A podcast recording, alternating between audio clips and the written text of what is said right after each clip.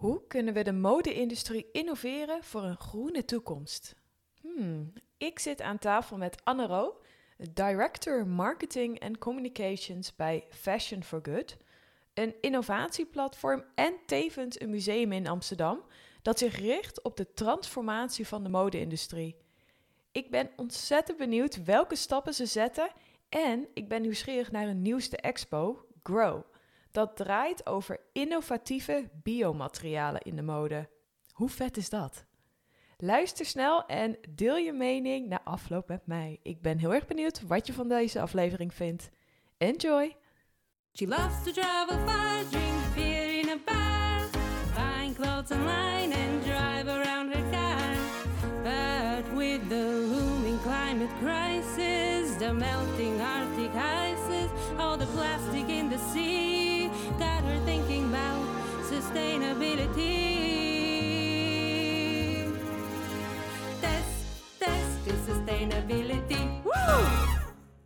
Annero, ik moest wel even drie keer naar mijn kledingkast kijken. Ik voelde een beetje de druk om naar een fashion museum te gaan en welke outfit ik daarbij aan moest doen. Dus ik hoop dat die is goedgekeurd uh, voor vandaag. Fantastisch. Ja, je ziet er hartstikke goed uit. Ik Kijk. weet niet wat je aan hebt, maar... Ik heb uh, voor de luisteraars, ik heb een uh, jumpsuit aangedaan. Uh, met wel een enige stretch, want ja, corona kilo's. Dus, dus hier zit ik dan lekker comfortabel. Um, Annero, welkom bij de podcast. Ja, dankjewel. Superleuk dat ik erbij mag zijn. Ik zit hier in het Fashion for Good Museum. Ja, in Amsterdam. In Amsterdam. Een toplocatie. En voordat we helemaal gaan praten over Fashion for Good, ben ik altijd heel erg benieuwd naar de persoonlijke reis. Ja. Hoe is het onderwerp duurzaamheid bij jou begonnen? Wat was voor jou de trigger dat je zei: ik ga beginnen met verduurzamen? Um, dat is niet echt één moment geweest. Ik denk, dat het, ik denk dat het misschien heel herkenbaar is voor heel veel mensen, maar bij mij is het echt een proces geweest. Ik heb uh, journalistiek gestudeerd, dus ik wilde heel graag verhalen maken. En ik werkte uh, na mijn studie bij modebladen. En daarna kwam ik in de PR-wereld terecht. En eigenlijk hoe langer ik in de mode werkte, hoe meer ik leerde over hoe mode gemaakt wordt en wat er allemaal bij komt kijken. Uh, zo wer werk je bijvoorbeeld bij een PR-bureau met heel veel uh, sample-collecties. Dus die zag ik dan ja, binnenkomen en weer weggaan. En um, ja, hoeveel afval er eigenlijk bij kwam kijken. Uh, en naarmate ik er langer in die modewereld werkte, en naarmate ik meer ging documentaires ging kijken, bijvoorbeeld.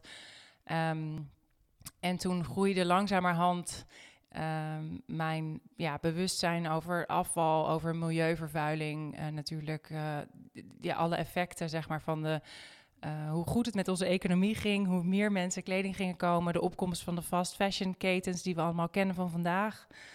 En het ging op een gegeven moment beschuren bij mij. Dat ik dacht, oké, ik heb een PR en later een marketingfunctie. Ik probeer mensen eigenlijk zoveel mogelijk kleding te laten kopen.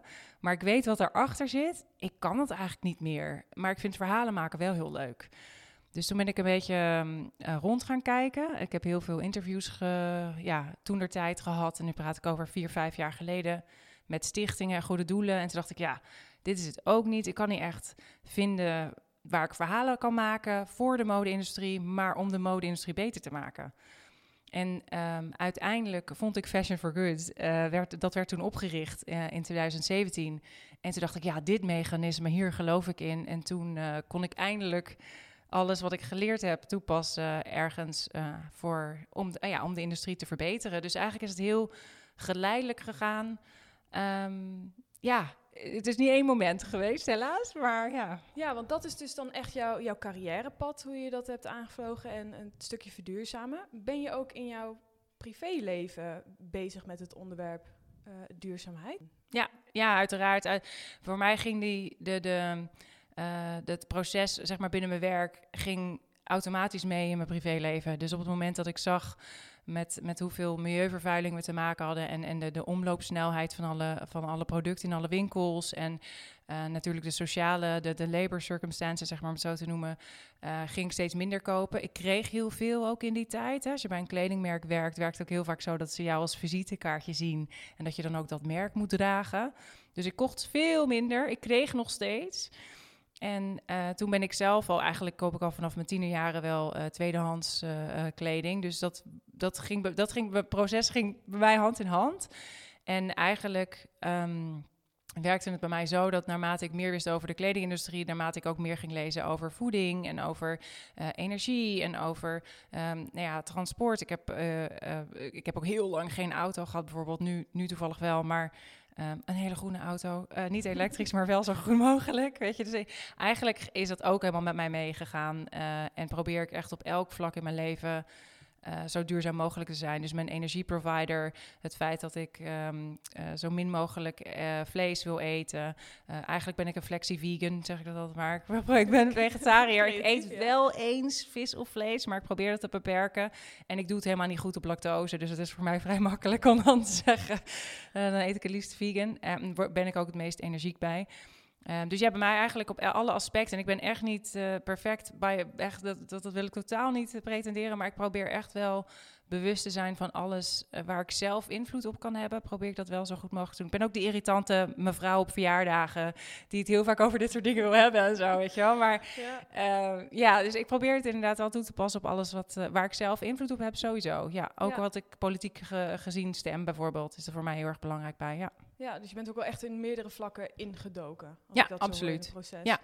En wat ik wel interessant vond, is dat je zei van in mijn vorige rollen, je hebt bij, moet ik even goed kijken hoor, bij een, een grote naam zoals Tommy Hilfiger, Karl Lagerfeld, eh, heb je gewerkt en je kreeg er ook dan kledingitems toegestuurd. Ja. Ehm, ik kan me heel erg voorstellen dat als je daar mee bezig bent en op een gegeven moment ben je ook bewust van wat er allemaal bij komt kijken, dat het eh, heel een interne struggle wordt van als je cadeaus krijgt en echt kleding krijgt, wat eigenlijk super mooi is, maar dat je het ook, ja, je weet ook wat erbij komt kijken. Hoe, hoe ging je daarmee om?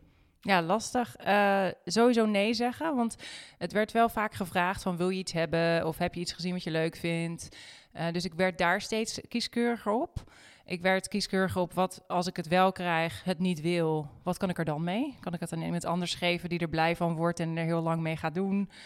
Ehm, en ook die vraag terugstellen van joh, ik heb het echt niet nodig. Ehm, kunnen we er iets anders mee doen? En ik denk dat die interne struggle bij mij inderdaad ook op een gegeven moment zo groot werd dat ik het niet meer kon rijmen, dus ook wel iets anders moest gaan doen. Ehm, dus ja, ik eh, eigenlijk probeerde ik dat ook op persoonlijk vlak zo veel mogelijk af te houden. Ja. En ik moet zeggen, heel veel items van Tommy en Calvin heb ik nog steeds zo in mijn kast hangen en draag ik nog steeds. Dus alles wat ik wel heb, draag ik ook op. Of ik geef het door. Ik heb onlangs een, eh, een tas met kleding aan een nichtje van mij eh, gestuurd.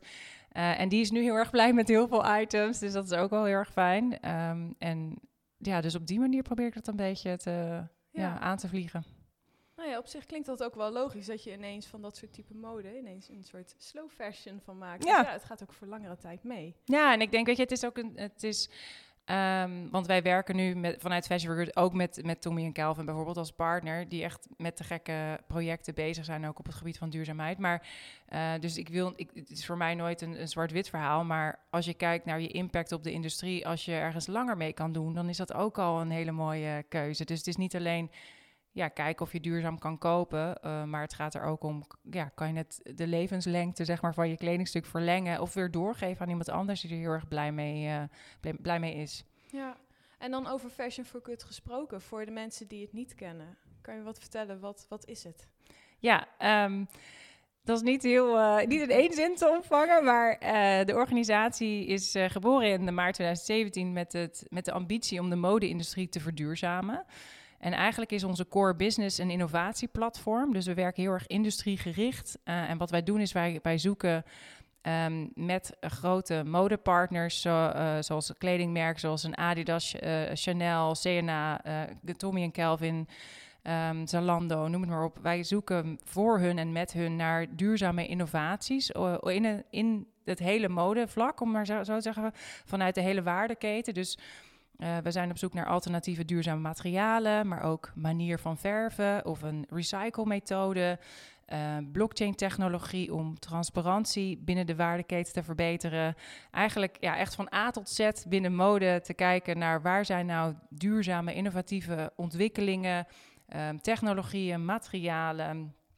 Techniek, ja, wat het dan ook eh, zou kunnen zijn, die koppelen wij aan die grote merken en producenten en fabrikanten om ervoor te zorgen dat zij op een betere manier kleding gaan maken. En wat we daarmee doen is, eh, we zoeken wereldwijd naar de innovaties en alles wat wij eh, in de tussentijd leren, zeg maar, pub- publiceren we ook in rapporten en, en artikelen, zodat de hele industrie kan leren van wat wij aan het doen zijn. Dus we willen heel graag dat die innovaties, dat zijn heel vaak start-ups of, of jonge organisaties, om het maar zo te zeggen. Die, ja, die missen heel vaak een netwerk of financiële backing of training of ehm, ja, informatie op het gebied van intellectual property, hè, om je eigen product eh, veilig te kunnen stellen en, en het Ja. verder te kunnen ontwikkelen. En wij bieden daar steun bij voor al die, die innovaties van begin tot eind. En dat is met een start-up programma, een opschaalprogramma en een fonds. Om ervoor te zorgen van A tot Z dat dat idee, dat bedrijf, zo snel mogelijk op een zo groot mogelijke schaal ingezet kan worden. En toen zeiden we, nou ja, dat idee, dat innovatieplatform, dat was er. En zeiden ja, dat is heel fijn en heel goed als die grote merken, fabrikanten duurzamer kleding gaan maken. Maar als consumenten blijven kopen wat ze nu doen, eh, niet vragen om een beter product, eh, dan verandert er nog steeds niks in de industrie. Dus ehm, toen dit pand op het Rokin in Amsterdam kwam, toen zeiden we: oké, we moeten ook iets gaan doen voor een consument om ze te helpen, ehm, tools te geven, informatie te geven. Ze te helpen te leren betere keuzes te maken eigenlijk. Dus toen is het museum waar we nu zijn eh, eigenlijk ontstaan. Eh, en toen hebben we een museum ontwikkeld of geprobeerd te ontwikkelen. Ik hoop dat het eh, gelukt is. Het is een heel interactief museum. ehm, wat laat zien wat ehm, ja, een soort van geschiedenistijdlijn van de mode is. Van hoe komen we nou aan fast fashion en hoe komen we aan de industrie zoals we die vandaag kennen. Welke duurzame artikelen zijn er vandaag al verkrijgbaar? Dus we hebben ook een shop waar je, waar je duurzame kleding zou kunnen kopen. En we hebben een, een soort innovation lounge, zoals we dat noemen, waarbij we laten zien wat gaat de toekomst van mode nou zijn? Waar gaan we naartoe? Waar moet je aan denken? En we proberen die hele, dat hele bezoek, zeg maar, als je bij het museum komt, eh, samen te laten komen in een, ehm, wij noemen dat een Good Fashion Action Plan, een soort van to-do-list, een eigen plan kan je maken om je gedrag ehm, te verduurzamen, om betere keuzes te maken. Dus we proberen je hele praktische tips te geven. Eh, en door middel van een armband met een RFID ehm, zeg maar, kan je acties selecteren die je het leukst vindt. En die kan je dan naar jezelf mailen en dan kan je daarmee aan de slag. En dat kan echt zijn, ik ga tweedehands kopen in plaats van nieuw. Ik ga kouder wassen. Ik ga een documentaire kijken. Ik ga een vriend of vriendin dit museum laten zien. Het kan van alles zijn. Ehm, en vanuit daaruit ehm, ehm, ja, gaan we verder zeg maar, met, die, met, die, bezoeker. Ook door middel van het organiseren van workshops, lezingen, paneldiscussies. Eigenlijk gewoon op een hele leuke, in, ja, innovatieve, gezellige manier. Ehm, want er zijn natuurlijk heel veel problemen in de mode-industrie die helemaal niet leuk zijn en heel ingewikkeld zijn. En ehm, het is gewoon belangrijk om er zoveel mogelijk over te weten, zodat we zo, zo goed mogelijke keuzes kunnen maken. Ja. Eh, en dat we hebben dan ook nog als Fashion Good zijn in hetzelfde pand een coworking space, waarbij ehm, ja, organisaties en, en, en, en freelancers die ook deze ambitie hebben om de mode-industrie te verbeteren, het samen kunnen werken in een pand. Want samen hè, eh, zij- kunnen we nog een snellere verandering teweeg brengen. En we kunnen dan ook samenwerken aan projecten. Ehm, dus het is eh, ja, een heel allesomvattend. Zeker geen één zin te zeggen, nee. Nee. Want ehm, als ik het goed begrijp, dus jullie richten je en heel erg op de, de producent, degene die de, Ja. de mode maakt. En Ja. daarin zijn jullie een schakel tussen de innovators Ja. en eh, eigenlijk de bestaande merken. En ik hoor je ook zeggen, vooral de, de grote merken. Ja. Of eh, zijn daarbij ook de, de kleine ondernemingen? Zitten die daar ook in? Nou, de meeste. ehm, Het werkt een beetje zo. We hebben gekeken naar. Als je kijkt naar onze partners, zijn het allemaal hele grote internationale partners. Van commercieel tot high-end tot sport, bijvoorbeeld. Express. Omdat we op die manier alle facetten binnen de mode-industrie kunnen beïnvloeden. Zodat die innovaties die we helpen op elk vlak ingezet kunnen worden. En. Ehm, wat er voor nodig is om een inno- innovatie zeg maar, te implementeren in je productieketen, heb je teams nodig die die innovaties kunnen implementeren bij hun fabrikanten of bij hun fabrieken. En de meeste impact heb je als je eh, impact kan maken op een hele grote schaal. Dus als jij ervoor kan zorgen dat een CNA of een Adidas een duurzamer materiaal dan gisteren gaat gebruiken, heb je veel meer impact dan als je een heel klein merk helpt. Ja. Dus dat is een van de redenen waarom we met die grote merken werken. Maar dat betekent niet dat we die kleine merken niet willen helpen. Dus daarom ehm, eigenlijk alle innovaties waar we mee werken, kan je op onze website vinden bijvoorbeeld. Dus op het moment dat iemand met die innovaties wil werken, kan dat. Eh, alle evenementen en workshops en netwerkbijeenkomsten zijn sowieso open publiekelijk, dus iedereen kan daarheen. Eh, wij delen onze rapporten ook met de hele wereld. Dus alles wat wij leren met pilots en tests, dat kan iedereen inlezen en van leren. Dus we proberen op die manier wel uh, zoveel mogelijk mensen te helpen. Maar we richten ons inderdaad voornamelijk op die grote merken en fabrikanten, omdat we daarmee de meeste impact gaan hebben en hopelijk het grootste verschil kunnen gaan maken. En staan ook al die grote namen staan ook wel open voor een, een nieuw proces? Zeker. Want ik kan me voorstellen dat er ook best wel wat, hè, vaak sustainability, een duurzamere stap maken is niet goedkoper dan de huidige manier van werken. Of in ieder geval aanname. Maar is dat ook daadwerkelijk de stap die bedrijven dan willen maken? Zulke grote namen. Ja, want uh, de consument uh, wil steeds duurzamer. Uh, dat is ook iets wat tijdens COVID nog erger, of erger, nog groot, vergroot is, zeg maar. Wat, wat, wat belangrijker geworden is voor consumenten. Dus de, de, de kledingmerken en de producenten moeten veranderen. Als zij um, gezond bedrijf willen blijven, zullen zij anders moeten. Um, en niet elke innovatie of verandering kost meer geld. Sterker nog, op lange termijn bespaart het heel veel geld. Dus het kan wel nu een investering zijn, maar op lange termijn is het vaak veel beter. En uiteindelijk, als je kijkt naar de impact um, die uh, kledingmerken en fabrikanten hebben op het milieu. Dit is niet oneindig. Als je nu kijkt naar het systeem wat we hebben in, in de modewereld, en helaas bij andere industrieën ook zo, is het heel erg, ze, noemen dat een take-make-waste uh, uh, systeem. En bijvoorbeeld een polyester wordt gemaakt van aardolie. Aardolie is niet een oneindig materiaal, um, niet een oneindige grondstof. Dus uiteindelijk zullen we ook anders moeten. En dat is bij heel veel materialen zo. Um, als je kijkt naar katoen of cashmere, er zijn heel veel bepaalde materialen die heel veel water nodig hebben. Nou, water is ook uh, schaars aan het worden. Uh, er zijn al heel veel plekken op de wereld waar ze tekort aan water hebben, dus we moeten anders. Um, en dat weten, weten die kledingmerken en die fabrikanten ook. En die willen dat ook echt heel graag. Alleen het is niet heel makkelijk te doen binnen één dag. Dus dat soort processen duren vaak lang. En sommige innovaties um, zijn bijvoorbeeld al wel te implementeren morgen. En sommige innovaties duren nog eventjes. Dus als je kijkt bijvoorbeeld naar, um, ik geloof dat het Lycra is, dat dat van, van bedenken tot implementeren ongeveer 30 jaar duurt. Zo. Dan proberen wij hier met Fashion for Good al die innovaties zo snel mogelijk uh, ja, te ontwikkelen, zodat ze geïmplementeerd kunnen worden, want we hebben geen 30 jaar meer. Nee. Dus dat is denk ik de grootste ja, versnellende factor waar wij hopen uh, en ook al heel veel succes hebben geboekt hoor, maar uh, we hopen nog meer impact te kunnen maken. Ja. Wat, uh, ik ben wel benieuwd, wat is al de, de grootste ontdekking en de grootste implementatie waar jullie als Fashion for Good trots op zijn? Oh, dat zijn er meerdere, denk ik. Ik denk dat uh, het feit dat de meeste mensen nu de Good On You app kennen, dat is een van onze innovators van, uh, van een paar jaar geleden. Dus ik denk dat dat wel een uh, mooi voorbeeld is. Maar we hebben bijvoorbeeld ook een, project wat ge geïmplementeerd is bij Tommy, die werkt met de Renewal Workshop. Dus je kan zeg maar reworked items kopen bij Tommy Hilfiger. Dat zijn oude items die of gerepareerd zijn of anders samengesteld zijn. Dus dan in plaats van nieuw koop je dan reworked. En dat wordt gedaan door de Renewal Workshop. Die komt uit de US, maar die heeft hier in Amsterdam-Noord een facility. Dus dat is heel erg te gek. Maar we hebben ook een heel vette uh, pilot gedaan. Ik denk anderhalf jaar geleden. Dat ging om het traceren van katoen van boer tot consument. Uh, en we hebben daarbij met blockchain-technologie en DNA-tracers katoen uh, kunnen volgen van A tot Z. Om ervoor te zorgen, binnen de productie van katoen, dan gaat er heel veel mis. Uh, er wordt heel veel water gebruikt bij de productie, heel veel pesticiden, chemicaliën. Um, uh, labortechnisch gezien, de, de, de, degenen die op het land staan, en uh, die, die um, werken met heel veel pesticiden. En daar kunnen ze, ik weet niet of je dat wel eens gelezen hebt, maar da daar kunnen ze heel erg depressief van worden, kunnen ze heel erg ziek van worden. Um, nou ja, er gaat heel veel mis eigenlijk bij katoen. Dat is hetzelfde met koffie of uh, cacao. Hè? Dat is misschien een be bekender ja. voorbeeld. Ja. En wat we met die pilot gedaan hebben, is dat wij van A tot Z die katoen getraceerd hebben. En dus precies wisten waar de katoen vandaan kwam. Dus er is geen mogelijkheid om te frauderen met de productie van katoen. En een van de eerste t-shirts die met dat hele proces en die DNA-tracers en die blockchain-technologie gevolgd zijn, kan je in ons museum zien.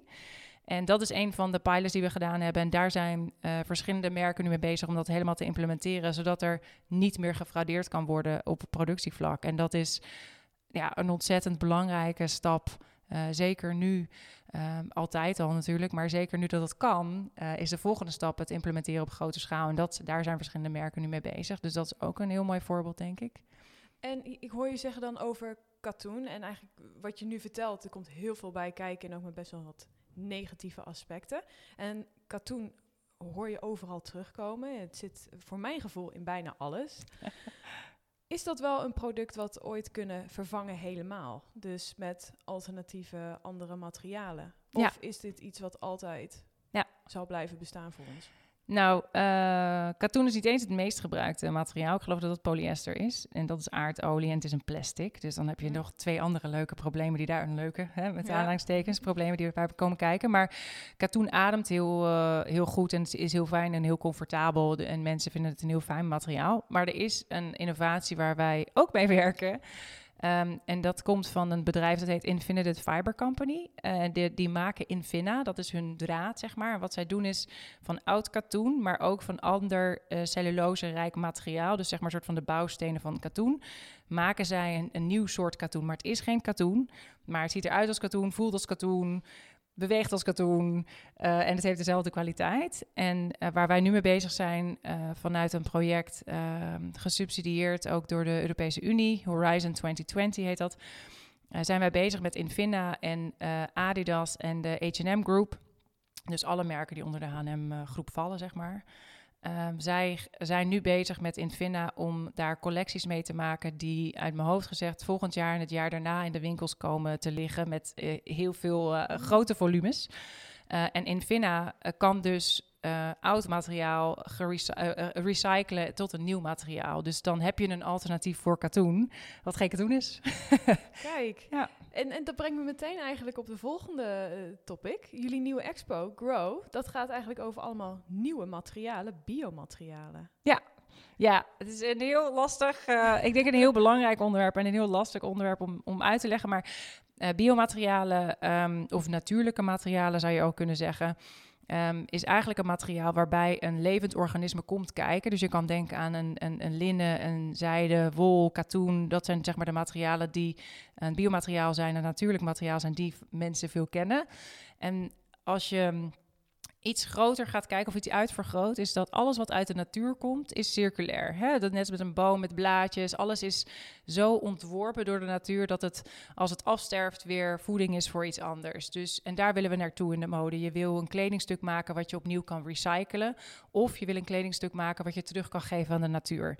Eh, en dat, dat zou een ideale wereld zijn, zeg maar. Zonder dat je grondstoffen gebruikt die, die eindig zijn.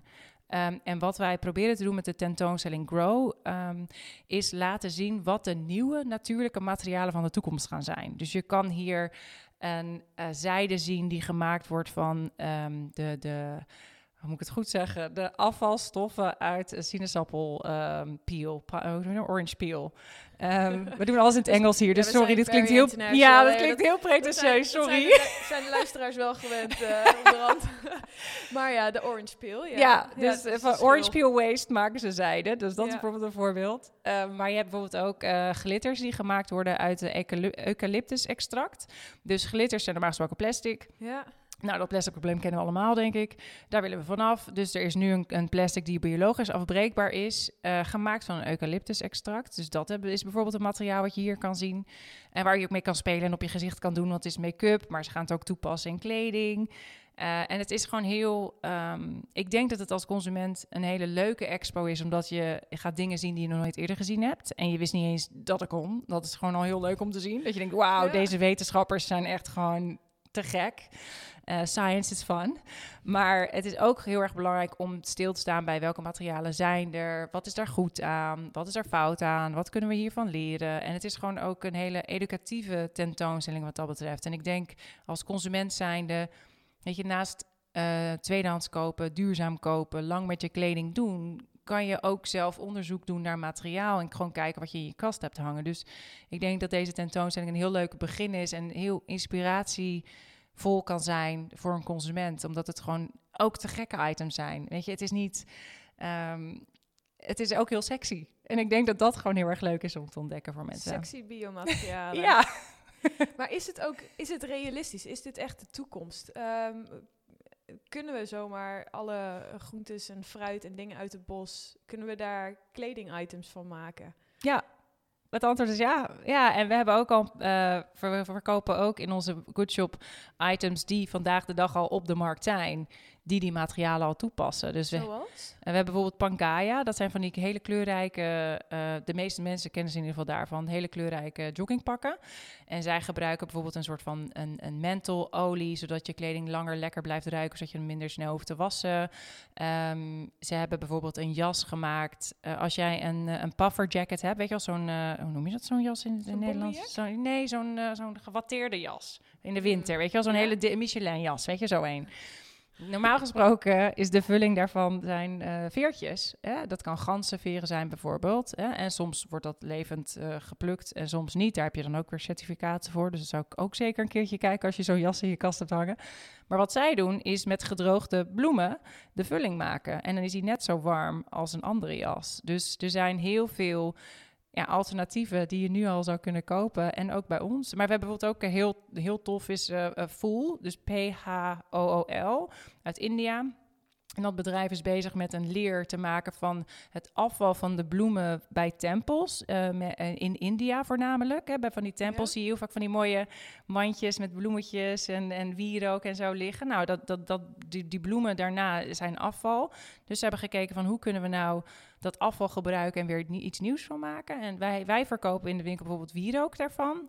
Ehm, en eh, het bu- businessmodel achter Full is ook dat zij vrouwen helpen en educeren en een baan geven en teruggeven aan de local community. Maar ze zijn nu ook bezig met een bloemenleer. Dat bloemenleer hebben we nog niet, want dat is nog in ontwikkeling. Maar een van de eerste producten die ze al konden maken was wierook. Dus dat verkopen wij bijvoorbeeld hier ook. En dat is, ja, het is ook gewoon heel erg leuk om te zien wat ze daarmee kunnen maken. En het ruikt heel lekker. Ja, en eh, ontzettend tof en super creatief. Ja, je moet er maar op komen. Ja, heel bijzonder. Ja. Is er al iets waarin ik en luisteraars het kan herkennen? Is, eh, je praat natuurlijk heel erg over wat, wat we hier in de winkel van Fashion for Good kunnen vinden. Zijn er manieren waarop wij dit soort biomateriaal producten kunnen herkennen? Ja, dat is een hele goeie. Niet echt. Ehm, we hebben wel... ehm, ik denk dat de, de, de wol en de linnen en de zijde en de katoen bij de meeste mensen wel eh, ehm, ja, duidelijk zijn. Eh, en het is een beetje lastig, want wettelijk gezien eh, mag je al vrij snel iets een, een natuurlijk materiaal noemen. En dat is een beetje het, het, lastige aan dit onderwerp. En dat is ook iets waar beleid op geschreven moet worden en, en waar de overheid een hele grote rol in speelt. Uh, dus ga ook vooral heel groen stemmen als je weer uh, mag stemmen. Wanneer is het maart, geloof ik, volgend jaar. ga stemmen. Maar um, nee, dus dat is vrij lastig om te ontdekken. Um, wat sowieso altijd kan, is dat als je het niet weet, mag je altijd bij ons in het museum natuurlijk vragen komen stellen. Dus we helpen onze bezoekers uh, heel erg graag. Dus dat is vrij moeilijk. Dus wat ik zou adviseren is kijken in je label in je kledingstuk om te kijken waar het van gemaakt is en hoe je het moet behandelen. Um, maar er is niet een label wat zegt: dit is natuurlijk en dit is, uh, en dit is goed, zeg maar. Dus daar is, Ja. nog, daar is nog best wel werk aan de winkel. Ja. Is heel lastig. Ja, ik duik natuurlijk ook tegenwoordig in het, uh, in het onderwerp uh, greenwashing. Ja. En ik, ik merk dat het zo moeilijk is, ook met alle labels die er bestaan. Van ja, hoe, hoe kunnen wij dit nu weten? Ja. Je wil het graag goed doen. Um, maar ik vind het sowieso al super interessant om te horen over die biomaterialen. En ik ga ook even spieken bij jullie nieuwe expo. Ja, leuk. Gezien. Um, we vliegen door de tijd heen. Dit, uh, we zijn alweer op een half uur en dat brengt ons ook echt meteen op het laatste onderdeel. En dat is de challenge. Ja, nou ja, omdat, omdat onze tentoonstelling over nieuwe materialen gaat, zou ik het te gek vinden als de aankomende, ik weet niet hoe lang we die challenge zullen laten lopen, maar dat mensen gaan kijken naar uh, waar je uh, trui, t-shirt, broek, pyjama uh, van gemaakt is. Want wat je heel erg, waar je ook heel veel impact mee kan maken, is dat op het moment dat je kijkt in het label, het waslabel in je kledingstuk, kun je niet alleen zien waar het van gemaakt is, wat gewoon heel erg leuk is om, te, om over te leren en te kijken van wat is polyamide nou, wat is acryl, wat is modal. Het is gewoon heel erg leuk om even te googlen van en wat is dat dan en waar komt het dan vandaan. Dus het is heel leuk om even iets te leren over je materiaal. Ja. Maar je kan ook meteen zien hoe je het het beste kan behandelen. En op het moment dat je je kledingstuk beter behandelt, kan je het langer gebruiken. Uh, en heb je minder grote impact of een minder grote voetafdruk, zeg maar, als je weer iets gaat aanschaffen. Dus ik denk dat het heel goed is dus om zelf onderzoek te doen naar je label. Um, en ik wil sowieso een tip meegeven, is dat je gewoon bijna nooit je kleding moet wassen. Gewoon buiten hangen, een beetje luchten. Als je gaat douchen, ophangen. Je hoeft totaal niet zoveel te wassen als wat wij vandaag de dag doen. Mm, Uh, en dat, dat is een denk hele ik. goede tip, ja. Ja, en je kan ook, weet je, lokaal- als het niet lekker ruikt of er zit een vlek op, was, het, was dat gedeelte dan. Ehm, want heel veel kleding, bijvoorbeeld wol en katoen, zeker natuurlijke materialen, ehm, verschonen zichzelf, om het maar zo te zeggen. Dus met dat wolvet wat je in een wollen trui vaak hebt, Ja? eh, reinigt zichzelf. Dus op het moment dat je het gewoon laat, laat ja, buiten hangen, eh, ruikt het de volgende dag alweer helemaal neutraal. Dus ik zou zeggen, niet wassen. Materiaal kijken en niet wassen. Ik, eh, ja, mijn mond staat open. Dat is een super goede tip. Heb ik nog helemaal nooit, eh, nooit over nagedacht. Dankjewel, Anne-Ro. Ik vind het echt ontzettend eh, interessant. En ik ga zeker even een blik werpen op jullie, eh, op jullie nieuwe expo. Leuk, veel plezier. Dankjewel. Test, test to sustainability. Woo! Boom, weer een aflevering van Test to Sustainability. Voel jij je ook zo geïnspireerd na deze aflevering en ben jij ook bezig je leven te verduurzamen? Laat het mij weten. Stuur mij een berichtje via Test to Sustainability, de website, of via Instagram at Test to Sustainability. Ik ben heel erg benieuwd naar jouw tips, tricks en ervaringen. Luister je deze podcast via Apple Podcast? Vergeet dan niet een review achter te laten. Make my day.